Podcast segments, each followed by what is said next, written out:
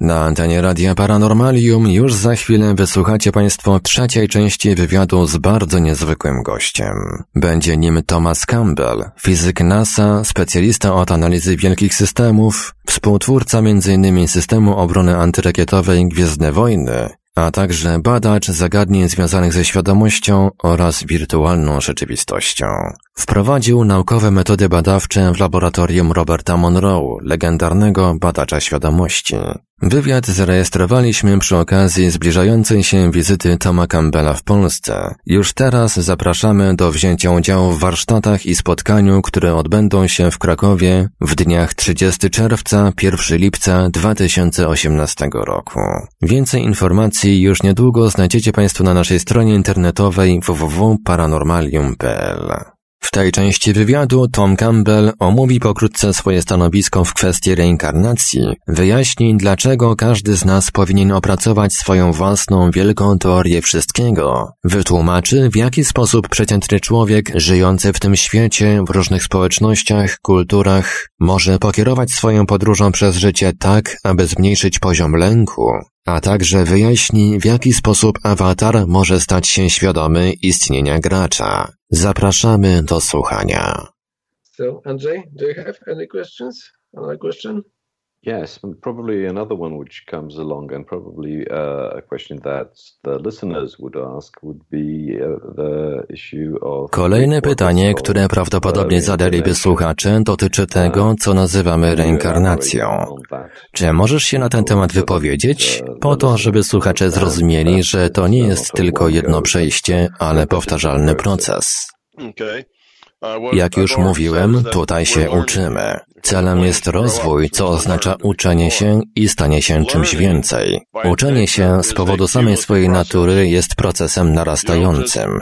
Nie możesz przejść od razu do trzeciej klasy bez odbycia pierwszej i drugiej.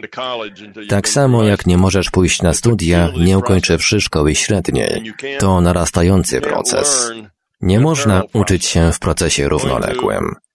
Gdyby 10 osób ukończyło pierwszą klasę i zsumowało swoje wyniki, nie będzie to to samo, co w przypadku jednej osoby, która przejdzie 10 klas w ciągu 10 lat. Musisz więc ukończyć pierwszą klasę, drugą, trzecią i tak dalej, aż do dziesiątej.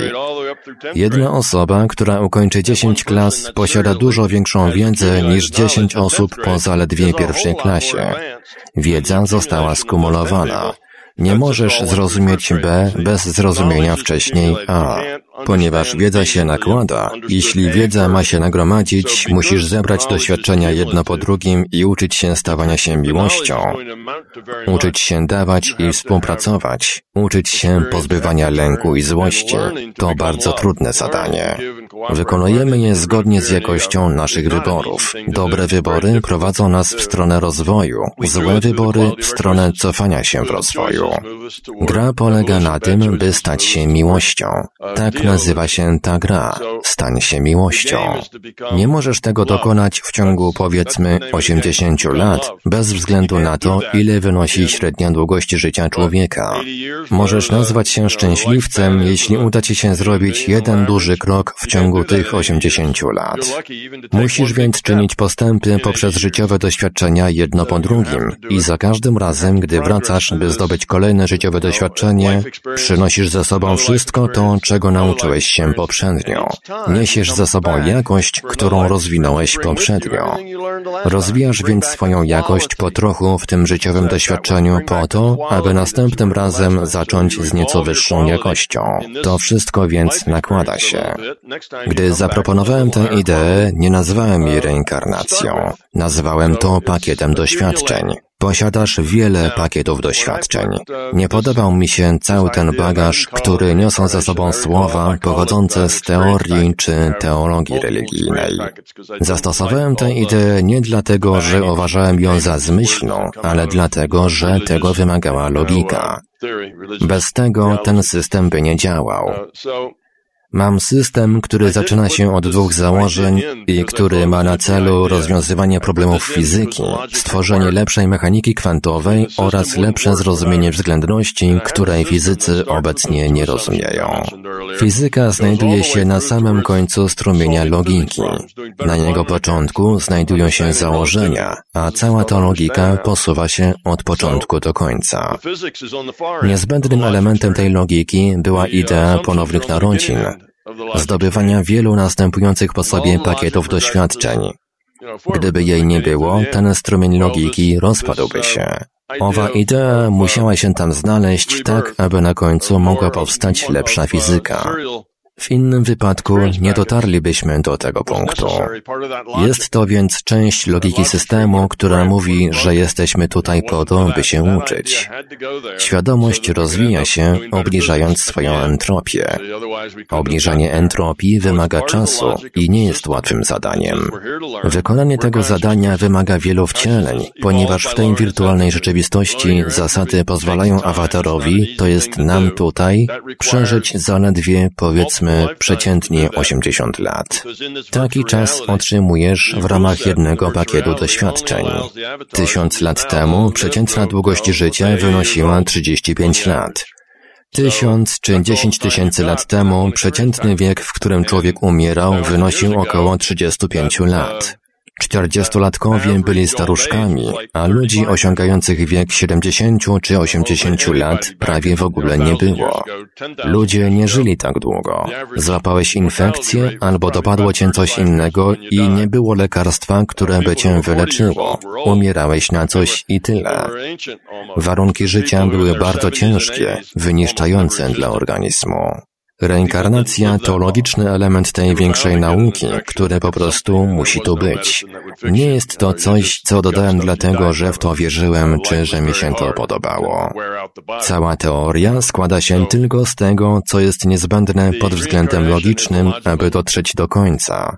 Do etapu, w którym możesz dokonać weryfikacji, tak jak ja to robię podczas eksperymentów fizycznych.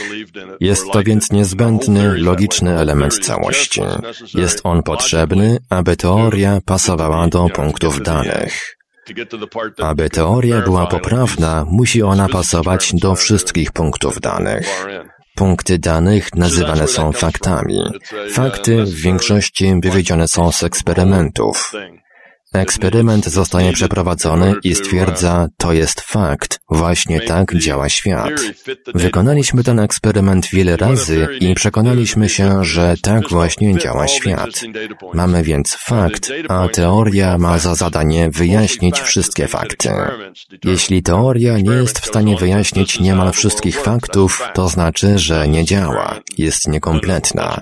Musi ona wyjaśnić wszystkie znane nam fakty. Ponieważ badałem dogłębnie kwestie związane ze świadomością, posiadam kolejny zestaw faktów. Zebrałem wszystkie niezbędne fizyczne fakty, punkty danych wymagające wyjaśnienia, ale również mam cały zestaw punktów, które odkryłem i których istnienie stwierdziłem w obrębie świadomości. I wiem, że są to fakty, ponieważ przeprowadziłem badanie. Wiem, że to wszystko działa w taki właśnie sposób. Moja teoria musiała więc odpowiadać również tym wszystkim faktom. Potrzebowałem teorii, która jest logiczna i dokładna i która pasuje do tych wszystkich faktów zarówno dotyczących świadomości, jak i fizycznej rzeczywistości rzeczywistości.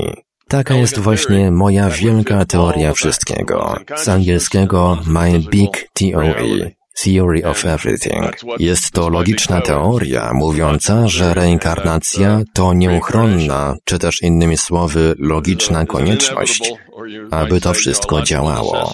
I cieszy mnie to, że mogę tworzyć lepszą fizykę, umieścić ją w strumieniu logicznym i otrzymać właściwe odpowiedzi. Gdyby moja logika podążała wbrew temu strumieniowi, otrzymanie właściwych odpowiedzi i czegoś konkretnego, takiego jak problemy fizyczne, byłoby niemożliwe. Cieszę się, że ta logika jest prawidłowa, ponieważ ona działa. Działa w każdym szczególe. To byłoby trudne do wykonania, gdyby logika była w jakiś poważny sposób zaburzona. Nie oznacza to, że moja teoria jest idealna. Teorie muszą być żywe. Musisz być w stanie je zmienić.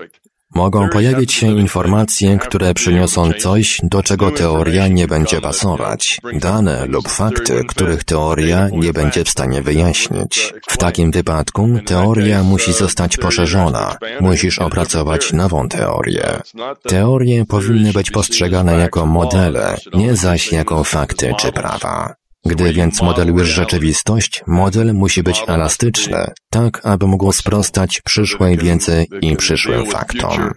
Jak dotąd, zgodnie z moją wiedzą, moja teoria odpowiada wszystkim faktom. Jak dotąd, ani w świadomości, ani w neurologii, fizyce, biologii nie odkryłem żadnych faktów stojących w sprzeczności wobec tej teorii.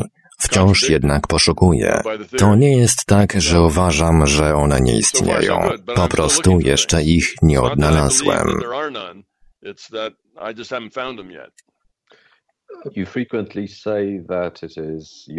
Często powtarzasz, że to Twoja teoria i że każdy powinien opracować własną. To prawda. Nazywam to swoją teorią, ponieważ tak właśnie jest. Stworzyłem ją w oparciu o swoje własne doświadczenie, aby wyjaśnić fakty, zarówno fizyczne, jak i niefizyczne, które stwierdziłem istniejąc tutaj. Sednem jednak jest to, że wykorzystam tutaj powiedzenie, którego często używam, jeśli nie jest to Twoje doświadczenie, to nie jest to Twoja prawda. Jeśli to nie jest Twoje doświadczenie, wówczas nie przyjmuj mojego doświadczenia jako prawdę. Moja wielka Wielka teoria wszystkiego to jedynie punkt startowy dla rozwoju Twojej wielkiej teorii wszystkiego. Jeśli w oparciu o swoje własne doświadczenie jesteś w stanie zweryfikować to, co mówię, to musisz nad tym popracować. To nie jest jakieś specjalnie trudne zadanie. Prowadzę szkolenia, podczas których uczę, w jaki sposób eksplorować większy system świadomości, tak, aby być w stanie doświadczyć osobiście pewnych weryfikowalnych już od lat rzeczy, które dowodzą, że rzeczywistość jest właśnie taka, jak ją opisuję. Gdy staje się to Twoim własnym doświadczeniem, wówczas jest to fakt, co do którego wcześniej powinieneś być sceptyczny. Inna rzecz, której uczę ludzi, to bycie zawsze sceptyczną osobą o otwartym umyśle, a osobą, co do której powinieneś być najbardziej sceptyczny, jesteś ty sam.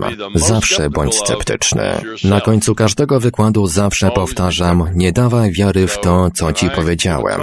Wiara w cokolwiek nie daje żadnych korzyści. Nie wiesz w nic. Nie powinieneś mieć żadnych przekonań. Przekonania to problemy. Mając przekonanie w jakiejś kwestii, przestajesz być otwarty na rzeczy, które mogą przeczyć temu przekonaniu. Elementy przeczące przekonaniu są po prostu odrzucane. Na zasadzie, te dane muszą być błędne, to musi być przypadek. O tym już się nie mówi, to jakiś fuks. Znajdujesz wymówki i odrzucasz wszystko, co nie zgadza się z Twoim przekonaniem. Właśnie to robili naukowcy przez ostatnie 100 lat. Za każdym razem, gdy wykonują eksperyment z mechaniką kwantową, który mówi im, że materializm niekoniecznie jest tym, na czym oparty jest świat, oni po prostu ten eksperyment odrzucają z uwagi na swoje przekonania co do materializmu, stwierdzając, hmm, to nie brzmi sensownie, ale to tylko takie weird science, dziwna nauka. Być może to nigdy nie będzie miało sensu, może to jedna z tych rzeczy, których nigdy nie mieliśmy poznać i których nie poznamy, ale to po prostu coś dziwnego. Wolą robić to zamiast powiedzieć coś bardziej inteligentnego i naukowego, na zasadzie, jeśli nie pasuje do mojego przekonania, to może moje przekonanie jest błędne. Prawie nikt tak nie mówi, a już na pewno nie naukowcy.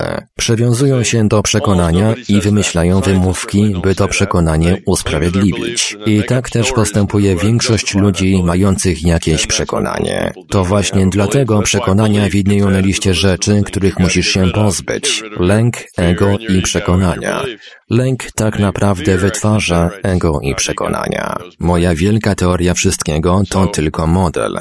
Nie mówię, że to jest właśnie jedyna prawda. Mówię, że jest to model rzeczywistości.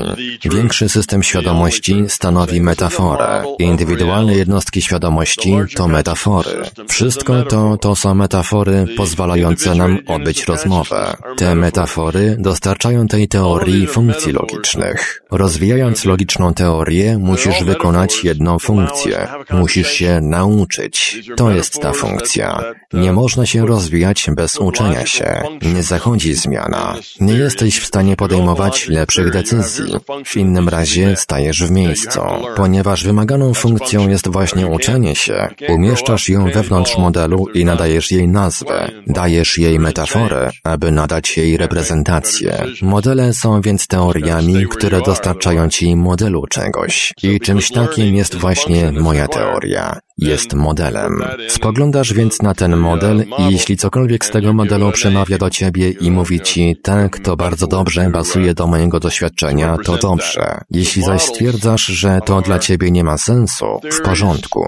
Powinieneś jednak zachować otwarty umysł i powiedzieć, być może gdybym wiedział więcej, gdybym badał bardziej dogłębnie, albo gdybym nauczył się innych rzeczy i miał inne doświadczenie, to miałoby to dla mnie sens. Zachowaj to więc gdzieś jako takie być może, by sprawdzić, czy pojawią się jakieś dane. Powinniśmy więc unikać podejścia, w którym jedynka oznacza to właśnie tak działa i nigdy nie będzie inaczej, a zero oznacza to jest całkowicie niemożliwe i nigdy nie będzie możliwe. Utrzymujmy większość rzeczy pomiędzy 1 a 0. Jest bardzo mało zer i bardzo mało jedynek, a zdobywając doświadczenie powinniśmy poszerzać nasz własny model. Jeśli mój model pomaga Wam w tym, ponieważ możecie wziąć swoje doświadczenie, którego nie mogliście sobie wyjaśnić, bo na przykład doświadczyliście czegoś paranormalnego i nie ma sposobu, aby to wytłumaczyć, a nasza kultura i nauka zaprzecza jego istnieniu, jednak Wy wiecie, że to istnieje istnieje. Więc jeśli mój model pomaga Wam, dając logiczne wyjaśnienie tych doświadczeń, to dobrze. Macie już logiczne wytłumaczenie wyjaśniające Wasze doświadczenie. Jeśli nie macie osobistego doświadczenia, to po prostu uznajcie możliwość istnienia tegoż. Przekonanie stanowi problem. Nie żywcie przekonania wobec tego, co ja mówię. Poświęćcie trochę czasu i wysiłku, aby określić, czy to, co mówię, jest prawdą, czy też nie. Jest to pewne wyzwanie. Nie chcę, żeby ktoś nabrał przekonania, że mam rację, tylko żeby sam podjął wysiłek, by się dowiedzieć, czy to prawda. A to nie jest trudne. Zjawiska takie jak zdalne postrzeganie czy leczenie przy pomocy umysłu są łatwe. Większość ludzi jest w stanie się ich nauczyć i wykorzystywać je z powodzeniem w ciągu kilku tygodni, miesięcy. Jeśli to wyćwiczysz, to nie będzie trudne do wykonania. Przekonasz się, że te paranormalne zjawiska w gruncie rzeczy są całkiem normalne Stanowią one wytwory świadomości. Nie są one wcale para. Są to po prostu normalne elementy tego, w jaki sposób działa świat. Prawda jest taka, że w nazwie Moja Wielka Teoria Wszystkiego określenie moja zawarte jest dlatego, że jestem z niej dumny. Również dlatego, że jest to moje doświadczenie. Jeśli nie jest to Twoje doświadczenie, to trzymaj je na dystans i bądź wobec niego sceptyczny. Ale pracuj dalej, aby nauczyć się wystarczająco dużo, by móc samemu zdecydować, czy ono jest rzeczywiste, czy nie. Jeśli stwierdzisz, że nie jest, no to trudno. Idź własną drogą. To żaden problem. Tylko zachowaj otwarty umysł. Jest bardzo prawdopodobne, że w pewnym momencie mogą pojawić się nowe informacje, których nie będziesz w stanie wyjaśnić w sposób inny niż poprzez zastosowanie mojego modelu. Mechaniki kwantowej nie da się wytłumaczyć w żaden inny sposób niż tylko poprzez wirtualną rzeczywistość. Podobnie zresztą jak w przypadku względności. Gdy więc docierasz do punktu, w którym nie jesteś w stanie wytłumaczyć leżących przed Tobą danych w żaden inny sposób niż z wykorzystaniem tego modelu, wówczas w Twoim umyśle ów model zaczyna zyskiwać na wiarygodności. Poziom prawdopodobieństwa wzrasta z powiedzmy 20 na 45%, a Ty zbierasz kolejne dane. Właśnie w taki sposób musisz postępować z informacjami w swoim życiu. Jeśli po prostu przeskoczymy do wniosków końcowych i nabierzemy przekonań, nigdy się nie rozwiniemy, ponieważ nie dopuścimy do siebie żadnych nowych myśli. My jako ludzie staramy się rozwijać i posuwać się do przodu. Żyjemy w świecie pełnym lęku. W jaki sposób przeciętny człowiek żyjący w tym świecie, w różnych społecznościach, kulturach, może pokierować swoją podróżą przez życie tak, aby zmniejszyć poziom lęku? Większość ludzi tkwi bardzo głęboko w lęku, nie wiedząc o tym. Mają lęki, mogą wiedzieć o jednym lub dwóch, nie mają jednak pojęcia, w jak dużym stopniu ten lęk wpływa na większość dokonywanych przez nich wyborów. Opowiem najpierw, w jaki sposób można stwierdzić, czy posiadasz lęki i jakie one są. Pierwszy krok polega na zlokalizowaniu tego lęku, próbie zrobienia czegoś z tym lękiem i określenia, czego on dotyczy. Jeśli kiedykolwiek w jakikolwiek sposób doświadczasz negatywności, jeśli kiedykolwiek czujesz się nieszczęśliwy, jeśli czujesz się jakbyś toczył niekończącą się walkę, jeśli się denerwujesz, złościsz, czujesz się poddenerwowany, sfrustrowany, jeśli którekolwiek z tych doświadczeń należy do ciebie, oznacza to, że masz ego. Gdybyś go nie miał, nie odczuwałbyś tej negatywności. Ego jest łatwe do zauważenia, ponieważ towarzyszy ono negatywnym odczuciom. Jeśli więc doświadczasz negatywnych odczuć, masz ego. Jeśli masz ego, to ego istnieje z powodu lęku. Ego stanowi wytwór lęku. Powiedzmy, że czujesz złość. Ktoś robi coś, co podważa zrobiony przez ciebie wkład. Zaczynasz czuć złość. Mówię, okej, okay, czujesz złość, bo to przez twoje ego i jest ono powiązane z lękiem. Odpowiadasz, nie, to nie jest lęk. Jestem zły, bo ta osoba powiedziała to i tamto. Ta osoba mnie rozzłościła. To nieprawda. To ty postanowiłeś się zezłościć. Mogłeś zdecydować, by się nie denerwować. Przede wszystkim jesteś odpowiedzialny sam za siebie. Jesteś zły, bo taki jest Twój wybór. Zaczynasz więc szukać lęku. Dlaczego jestem zły? Nie mogę przecież wskazać na osobę, która mnie do tego doprowadziła. To tak nie działa. Musisz sobie powiedzieć, dlaczego to sprawia, że jestem zły. I odkryjesz, ktoś pomniejszył mój wkład, a czuję złość dlatego, że czuję się na przykład nieodpowiedni, albo że inni ludzie mogą mi coś odebrać, mogą mnie zdradzać, mogą mnie w jakiś sposób wykorzystać. Boję się bycia źle potraktowanym lub wykorzystanym. Obawiam się, że nie jestem tak dobry i że ktoś mi umniejsza. I to mnie denerwuje, ponieważ popycha mnie to w kierunku lęku przed byciem kimś nieodpowiednim lub w jakiś sposób pokrzywdzonym. To właśnie jest lęk. Jeśli nie chcesz nigdy więcej się złościć, musisz pozbyć się tego lęku. Gdy się go pozbędziesz, to gdy ktoś umniejszy Twojej pracy, nie będziesz się złościł, tylko po prostu mu odpowiesz. Możesz powiedzieć, moja praca polega na tym, na tym i na tym. Jest odpowiednia, ponieważ to i tamto. W ten sposób możesz odpowiedzieć na czyjeś pytanie lub zrozumieć, dlaczego ten ktoś uważa, że twoja praca nie jest zbyt istotna i dlaczego postrzega ją w taki sposób. Możesz zadać tej osobie jakieś pytania. Jak widać, możesz się uczyć i posuwać do przodu. Możesz poradzić sobie z problemem, nie złoszcząc się. Jeśli z tego powodu się złościsz, nie możesz poradzić sobie z tym problemem. Ktoś coś mówi, a ty w reakcji na to wybuchasz. Dlaczego jestem nieodpowiedni? Co jest nie tak? To, co ty robisz, wcale nie jest dobre. Nazywasz moją pracę nieadekwatną i zaczynamy kłótnię, która do niczego nie prowadzi. I tak oto obydwaj ludzie są gorsi, choć gdyby odbyło się to bez złości, można byłoby rozwiązać problem. Możesz sobie z tym poradzić nawet w sytuacji, gdy ta druga osoba jest zła. Po prostu nie złościsz się, bo zdajesz sobie sprawę, że problem nie dotyczy ciebie, tylko tej drugiej osoby. Mowa o postrzeganiu przez tą drugą osobę. Dlaczego postrzegasz w taki sposób? To oznacza, że zamiast pogarszać sytuację, masz możliwość posuwania się do przodu w tym związku czy też połączeniu. Na tym to właśnie polega. Pozbywamy się lęku i nagle wszystko działa lepiej. Jesteśmy lepsi w pracy, w domu, w związkach, ponieważ pozbywamy się lęku. Aby pozbyć się lęku, najpierw musisz go odnaleźć. Musisz wiedzieć, czego on dotyczy. Większość z nas posiada lęki, z których nie zdajemy sobie sprawy. Trudno zrozumieć lęk, ponieważ cały czas go tłumisz. Tak właśnie działa ego. Ukrywa lęk tak, abyś nie mógł sobie z nim poradzić. Działa więc jak ściana oddzielająca ciebie od lęku. Lęk wytwarza ego, jak również przekonanie. Posiadamy wiele przekonań i podobnie jak w przypadku lęku, przez większość czasu nie wiemy, jakie one są. W wielu kwestiach żywimy przekonania, o których nie mamy pojęcia, ponieważ przyjmujemy je jako fakty, przez co nie postrzegamy ich jako przekonania.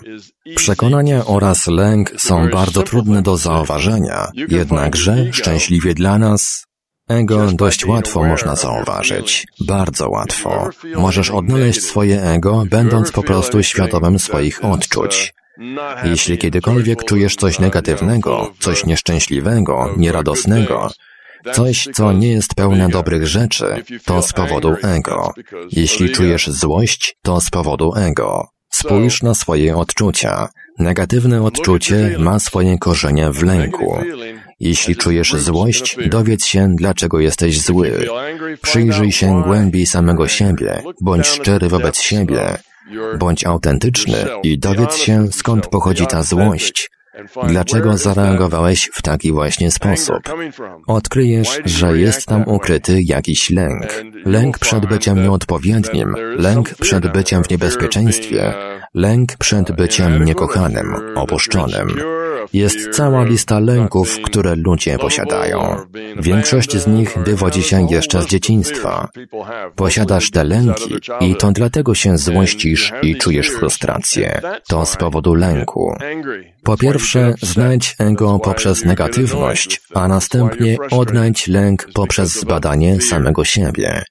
Nie możesz obwinać o lęk kogoś innego. Powodem, dla którego czuję lęk, jest to, że coś spowodowało, że go czuję. Musisz wziąć odpowiedzialność za to, jak się czujesz. To nie oni sprawiają, że tak się czujesz, tylko jest to efekt Twojego wyboru, aby tak się czuć. A powodem tego jest Twój lęk. Gdy już odnajdziesz ten lęk, mówisz, złoszczę się na ludzi, ponieważ mnie wykorzystują. Złoszczę się, gdy ktoś mówi, że jestem nieodpowiedni. Zrobiłem coś niewłaściwie, jestem zbyt niski, zbyt wysoki, nie jestem wystarczająco szybki i tak dalej. Denerwuję się na samego siebie, na innych. To nie ma znaczenia. To wszystko powiązane jest z lękiem. Odnajdujesz ten lęk. Być może jest to lęk przed byciem nieodpowiednim albo niekochanym, lęk przed byciem nielubianym, czy też przed tym, że ludzie mogą się z ciebie śmiać. Lęk przed staniem się pośmiewiskiem jest związany z lękiem przed byciem niewystarczająco dobrym w czymś. Znajdź więc ten ukryty lęk, a gdy to zrobisz, przejmij nad nim kontrolę. Jej intencje pozbycia się go i przejęcia nad nim kontroli. Przez przejęcie kontroli rozumiem stwierdzenie, okej, okay, posiadam ten lęk. Nie musisz wiedzieć, skąd on się wziął. Oczywiście możesz się tego dowiedzieć. Być może w wieku trzech lat przydarzyło ci się coś pozornie nieistotnego z punktu widzenia ogółu, ale jest ważne z punktu widzenia szczegółu. Bez względu jednak na to, skąd ten lęk pochodzi, przejmij nad nim kontrolę i pomyśl, w jaki sposób ten lęk wpłynął na Twoje wybory sprawił, że Twoje wybory były właśnie takie, jakie były. Gdy to zrobisz, będziesz zaskoczony. To nie jest łatwe. Zajmie Ci kilka tygodni określenie, w jaki sposób ten lęk wpłynął na Twoje wybory przez ostatnie, powiedzmy, 10 lat. Jakich wyborów dokonałeś z powodu tego lęku? To da Ci zachętę, jakiej potrzebujesz, aby się go pozbyć, ponieważ dostrzeżesz, że to właśnie to spowodowało kłopoty w całym Twoim życiu. To coś, co weszło Ci w drogę i spowodowało problemy. Gdy już zrozumiesz, co ten lęk ci wyrządził, skup swoją intencję na pozbyciu się go. Nie ukrywaniu go, nie udawaniu, że go nie ma, na spychaniu go na bok, ale właśnie na pozbyciu się go. Masz więc tę intencję do utrzymania poziomu i pozbycia się tego lęku. Nie chcę, aby tak było, nie chcę się tak czuć. I gdy stwierdzisz, że tak się właśnie czujesz, zatrzymaj się i powiedz nie, nie idę tam, nie przyciągnę tego uczucia, po prostu tego nie rób. Na początku będzie to praca umysłowa i będzie to przypominało nieco spychanie lęku na bok, ale nie o to chodzi.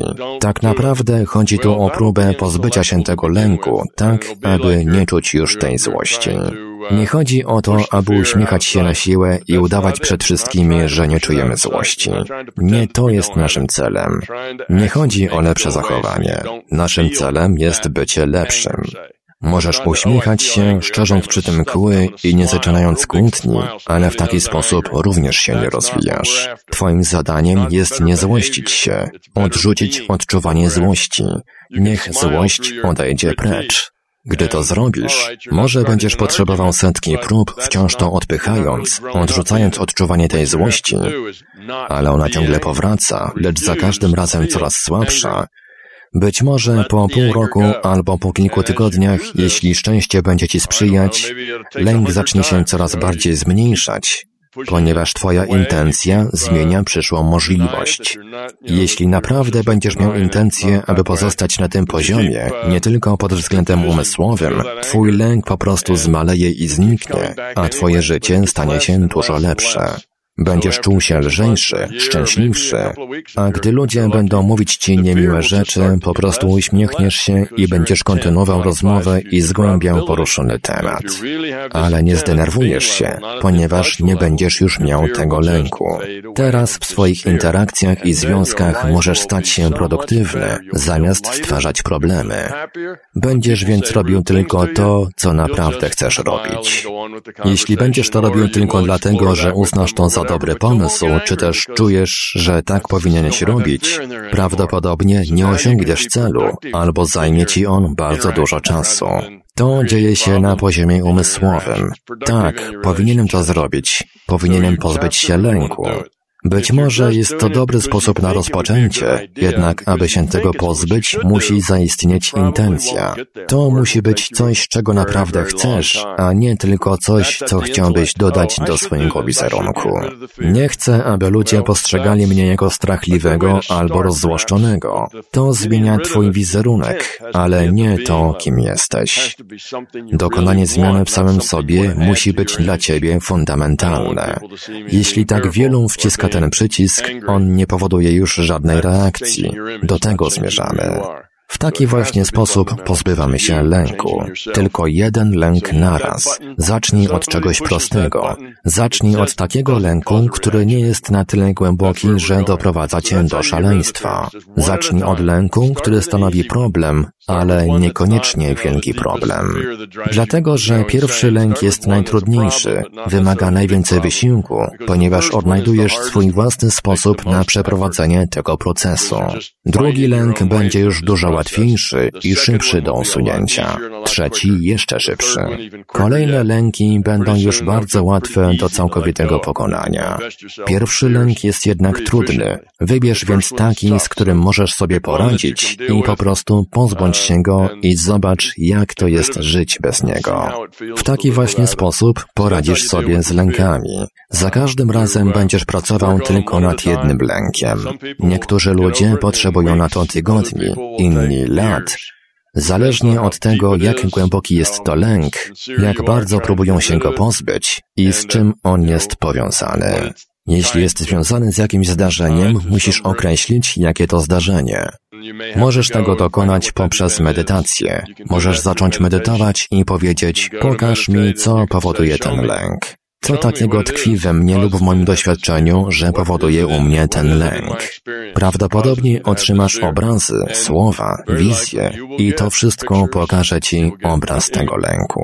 Zobaczysz coś głupiego, jak na przykład całe moje rodzeństwo dostawało prezenty, ale ja nie. Czułeś się nieodpowiedni, niekochany. Czułeś, że nie jesteś tak dobry jak twoje rodzeństwo i od tamtego momentu nosiłeś w sobie ten lęk. Masz 60 lat i wciąż posiadasz ten lęk, ale teraz powoduje on więcej problemów. Ten lęk wywodzi się z czegoś, co tak naprawdę było błahostką z punktu widzenia całości. Takie właśnie są lęki. Są jak papierowe tygrysy, nie prawdziwe tygrysy. Boimy się, że ugryzą, ale nie ma nawet odrobiny dymu. I gdy staniesz takim tygrysem twarzą w twarz, pokonaj go, a zniknie. W taki właśnie sposób pozbywamy się lęku. I think that uh, your tapes uh, regarding fear are very important uh, for the listeners and uh, they are uh, very universal. But uh, in this moment, I would like to ask you about the connection between our consciousness and avatars. I mean, in terms, most of us mm, thinks. Uważam, że Twoje rady dotyczące lęku są bardzo istotne dla słuchaczy. Sądzę, że są bardzo uniwersalne. Teraz Teraz chciałbym jednak zapytać o połączenie pomiędzy naszą świadomością a awatarami. Większości z nas wydaje się, że jesteśmy jedynie awatarami i że nie jesteśmy niczym więcej jak tylko naszymi fizycznymi ciałami. Jakie jest połączenie pomiędzy awatarami i świadomością? W jaki sposób awatar może stać się świadomy istnienia swojej świadomości? Niektórzy ludzie chcą się rozwijać na poziomie swojego awatara, jednak jak to wygląda z punktu widzenia Twojej teorii? Teorii. Dużo opowiadałeś o świadomości oraz grze, którą świadomość rozgrywa tutaj, w naszej rzeczywistości. Czy niektóre awatary mogą stać się świadome istnienia gracza? Moje pytanie związane jest z rosnącą świadomością istnienia gracza. W jaki sposób możemy stać się świadomi gracza? W jaki sposób stajemy się świadomi tego, że jesteśmy tylko graczem, który przybrał kolejne ciało? Uważam, że jest kilka sposobów, aby się temu przyjrzeć. Możemy przyjrzeć się temu, jak z tym problemem poradziła sobie nauka i w którym punkcie utknęła a następnie przyjrzeć się temu, w jaki sposób możemy zgłębiać większy system świadomości i dostrzec, że istniejemy poza fizyczną rzeczywistością. Przeglądamy się naszemu własnemu doświadczeniu. Możemy doświadczyć istnienia naszej świadomości poza fizyczną rzeczywistością. Właśnie tego doświadczamy podczas zdalnego postrzegania, zdobywania informacji z baz danych, leczenia innych ludzi siłą własnego umysłu. Wszystkie te zjawiska, określane jako paranormalne, dają nam doświadczenie pracy z tą rzeczywistością, ale z niefizycznych punktów widzenia. Lecząc własnym umysłem, nie robimy tutaj nic fizycznie. Wykonujemy to poprzez kanał niefizyczny.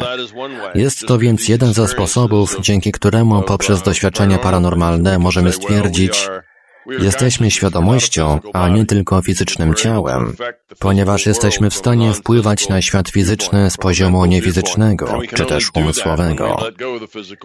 I możemy to zrobić tylko wtedy, gdy pozostawimy świat fizyczny, wchodząc w medytację i pozbywając się danych przekazywanych przez nasze zmysły. Jesteśmy wtedy tylko świadomością i nie odbieramy strumienia danych płynących od awatara.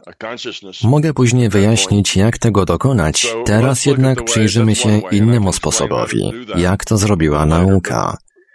Nauka od co najmniej stu lat z całych sił stara się wykazać, że świadomość stanowi wytwór mózgu. Wszystkie próby dowiedzenia tego zawiodły. Próby były robione na dziko i pełne były przepuszczeń i wszystko skończyło się na próbie wykazania, w jaki sposób możliwe jest, aby mózg czy też świat fizyczny w jakiś sposób tworzył świadomość. Naukowcy, filozofowie, psycholodzy badający świadomość nazywają to trudnym problemem. Owym trudnym problemem jest poszukiwanie świadomości w świecie fizycznym, a trudny problem polega na tym, że świat fizyczny wcale nie tworzy świadomości. Właśnie dlatego ten problem jest trudny, ponieważ to nie działa w taki sposób. Fizyczny świat to świat wirtualny, który zaczął się od wirtualnej rzeczywistości. Fizyczny świat, ponieważ jest wirtualny, nie może tworzyć świadomości. W wirtualnym świecie rzeczywistość powstaje tylko w umysłach świadomości. Tak naprawdę wirtualny świat nie istnieje. Jest on tworzony tylko w umysłach świadomości. Dam wam tego przykład. Gdy gracie w World of Warcraft, widzicie symulowany wirtualny świat, taki, w którym żyje wasz elf. W tym świecie istnieją rzeki, strumienie, drzewa, domy z drzwiami i klamkami, które trzeba popchnąć, żeby je otworzyć. Wszystko to istnieje w wirtualnym świecie gry World of Warcraft. Ale gdzie on istnieje? Nie istnieje przecież w komputerze. Komputer tylko wysyła dane. Komputer wysyła jedynie ekran składający się powiedzmy z dwóch milionów pikseli. Komputer wysyła do ciebie dwa miliony kropek, z których każda posiada trzy wartości. Jasność, kolor i lokalizację. Masz więc 9 milionów sztuk informacji. To wszystko to punkty światła. To ty tworzysz rzeczywistość, to ty spoglądasz na ten promień świetnych punktów i to ty, jako świadomość, interpretujesz te punkty świetlne jako rzeczywistość. Interpretujesz je jako rzeki, drzewa, domy, drzwi z klamkami, które trzeba popchnąć. Tworzysz tę rzeczywistość jako swoją interpretację danych. Rzeczywistość istnieje więc w umysłach graczy. Stanowi ona interpretację danych, która tworzy rzeczywistość. To mówi nam, że rzeczywistość istnieje wewnątrz umysłu. To nie jest coś fizycznie obiektywnego. Istnienie elfów nie jest obiektywne fizycznie, ponieważ zachodzi tylko w umyśle. Elf więc, bez względu na to, jak bardzo złożona jest tworząca go wirtualna rzeczywistość, jak wiele danych ten proces wymaga, stanowi tylko dane. To zera i jedynki zapisane na dysku twardym, które nigdy nie staną się świadome. Po prostu nie mogą. Wirtualna rzeczywistość nie może więc w żaden sposób stworzyć postaci, która będzie świadoma. Istnienie świadomych postaci w wirtualnej rzeczywistości jest po prostu niemożliwe z punktu widzenia logiki. Postaci w wirtualnych rzeczywistościach mogą być grane przez graczy, którzy są świadomi. Właśnie w taki sposób postać występująca w wirtualnej rzeczywistości, czyli awatar, porusza się i działa. Do tego wymagany jest gracz, a gracz musi być niefizyczny względem wirtualnej rzeczywistości. Wirtualna rzeczywistość wyjaśnia to w bardzo łatwy sposób. Jeśli jesteśmy materialistami i nie rozumiemy, że świadomość musi istnieć poza nami awatarami, Wówczas poniesiemy klęskę, próbując wykazać, że to fizyczna rzeczywistość tworzy świadomość. To jest właśnie ów trudny problem. Możemy też przeżywać doświadczenia wewnątrz wirtualnej rzeczywistości. Doświadczenia paranormalne, które pokazują nam, że świadomość jest bardziej fundamentalna. Świadomość może wpływać na fizyczny świat. Gdyby świadomość była tworzona przez fizyczny świat, to świat fizyczny byłby twórcą, a świadomość wytworem. Tak naprawdę jest na odwrót. To świadomość jest twórcą, a fizyczna rzeczywistość wytworem. Świadomość może więc manipulować fizyczną rzeczywistością. Świadomość jest elementem podstawowym, a rzeczywistość fizyczna podzbiorem. W jaki więc sposób możesz generować paranormalne zjawiska, które pokazują, że można modyfikować fizyczną rzeczywistość przy pomocy świadomości?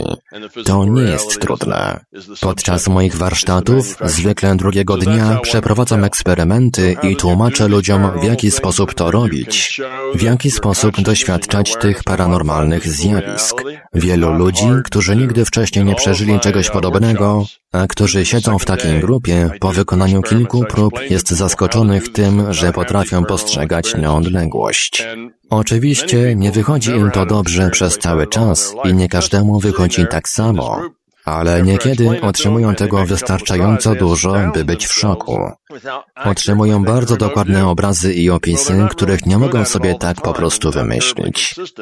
To pokazuje im, że świadomość jest bardziej fundamentalna niż rzeczywistość. Mogą się przemieszczać tam, gdzie fizycznie nie są w stanie, nie są ograniczeni fizycznością. W taki oto sposób można się o tym przekonać. To najlepszy sposób. Prowadzę szkolenia. W ostatnim miesiącu odbyły się trzy takie seminaria i prowadzę je po to, aby nauczyć ludzi, jak doznawać takich doświadczeń i jak poruszać się po większym systemie świadomości. Do tej pory wydaje się to bardzo efektywne, dla przeciętnej osoby wcale nie trudne do wykonania. Tak właśnie dowiadujesz się, że jesteś czymś więcej niż tylko fizycznym ciałem, ponieważ możesz doświadczyć owego bycia czymś więcej niż tylko fizycznym ciałem. W Radiu Paranormalium wysłuchali Państwo trzeciej części wywiadu z Tomem Campbellem, fizykiem NASA, specjalistą od analizy wielkich systemów, współtwórcą m.in. systemu obrony antyrakietowej Gwiezdne Wojny oraz badaczem zagadnień związanych ze świadomością oraz wirtualną rzeczywistością. Tłumaczył i czytał Marek Senkiewelios. Dalsze części wywiadu są aktualnie w trakcie tłumaczenia A o terminach premier kolejnych części będziemy Państwa na bieżąco informować na naszej stronie internetowej www.paranormalium.pl. Raz jeszcze w tym miejscu zapraszamy gorąco wszystkich słuchaczy Radia Paranormalium do wzięcia udziału w spotkaniu i warsztatach z Tomem Campbellem, które odbędą się w Krakowie w dniach 30 czerwca 1 lipca 2018 roku. Więcej informacji już wkrótce znajdziecie na naszej stronie internetowej www.paranormalium.pl. Radio Paranormalium, paranormalny głos w Twoim domu. Dziękujemy za uwagę, do usłyszenia, no i oczywiście do zobaczenia w Krakowie.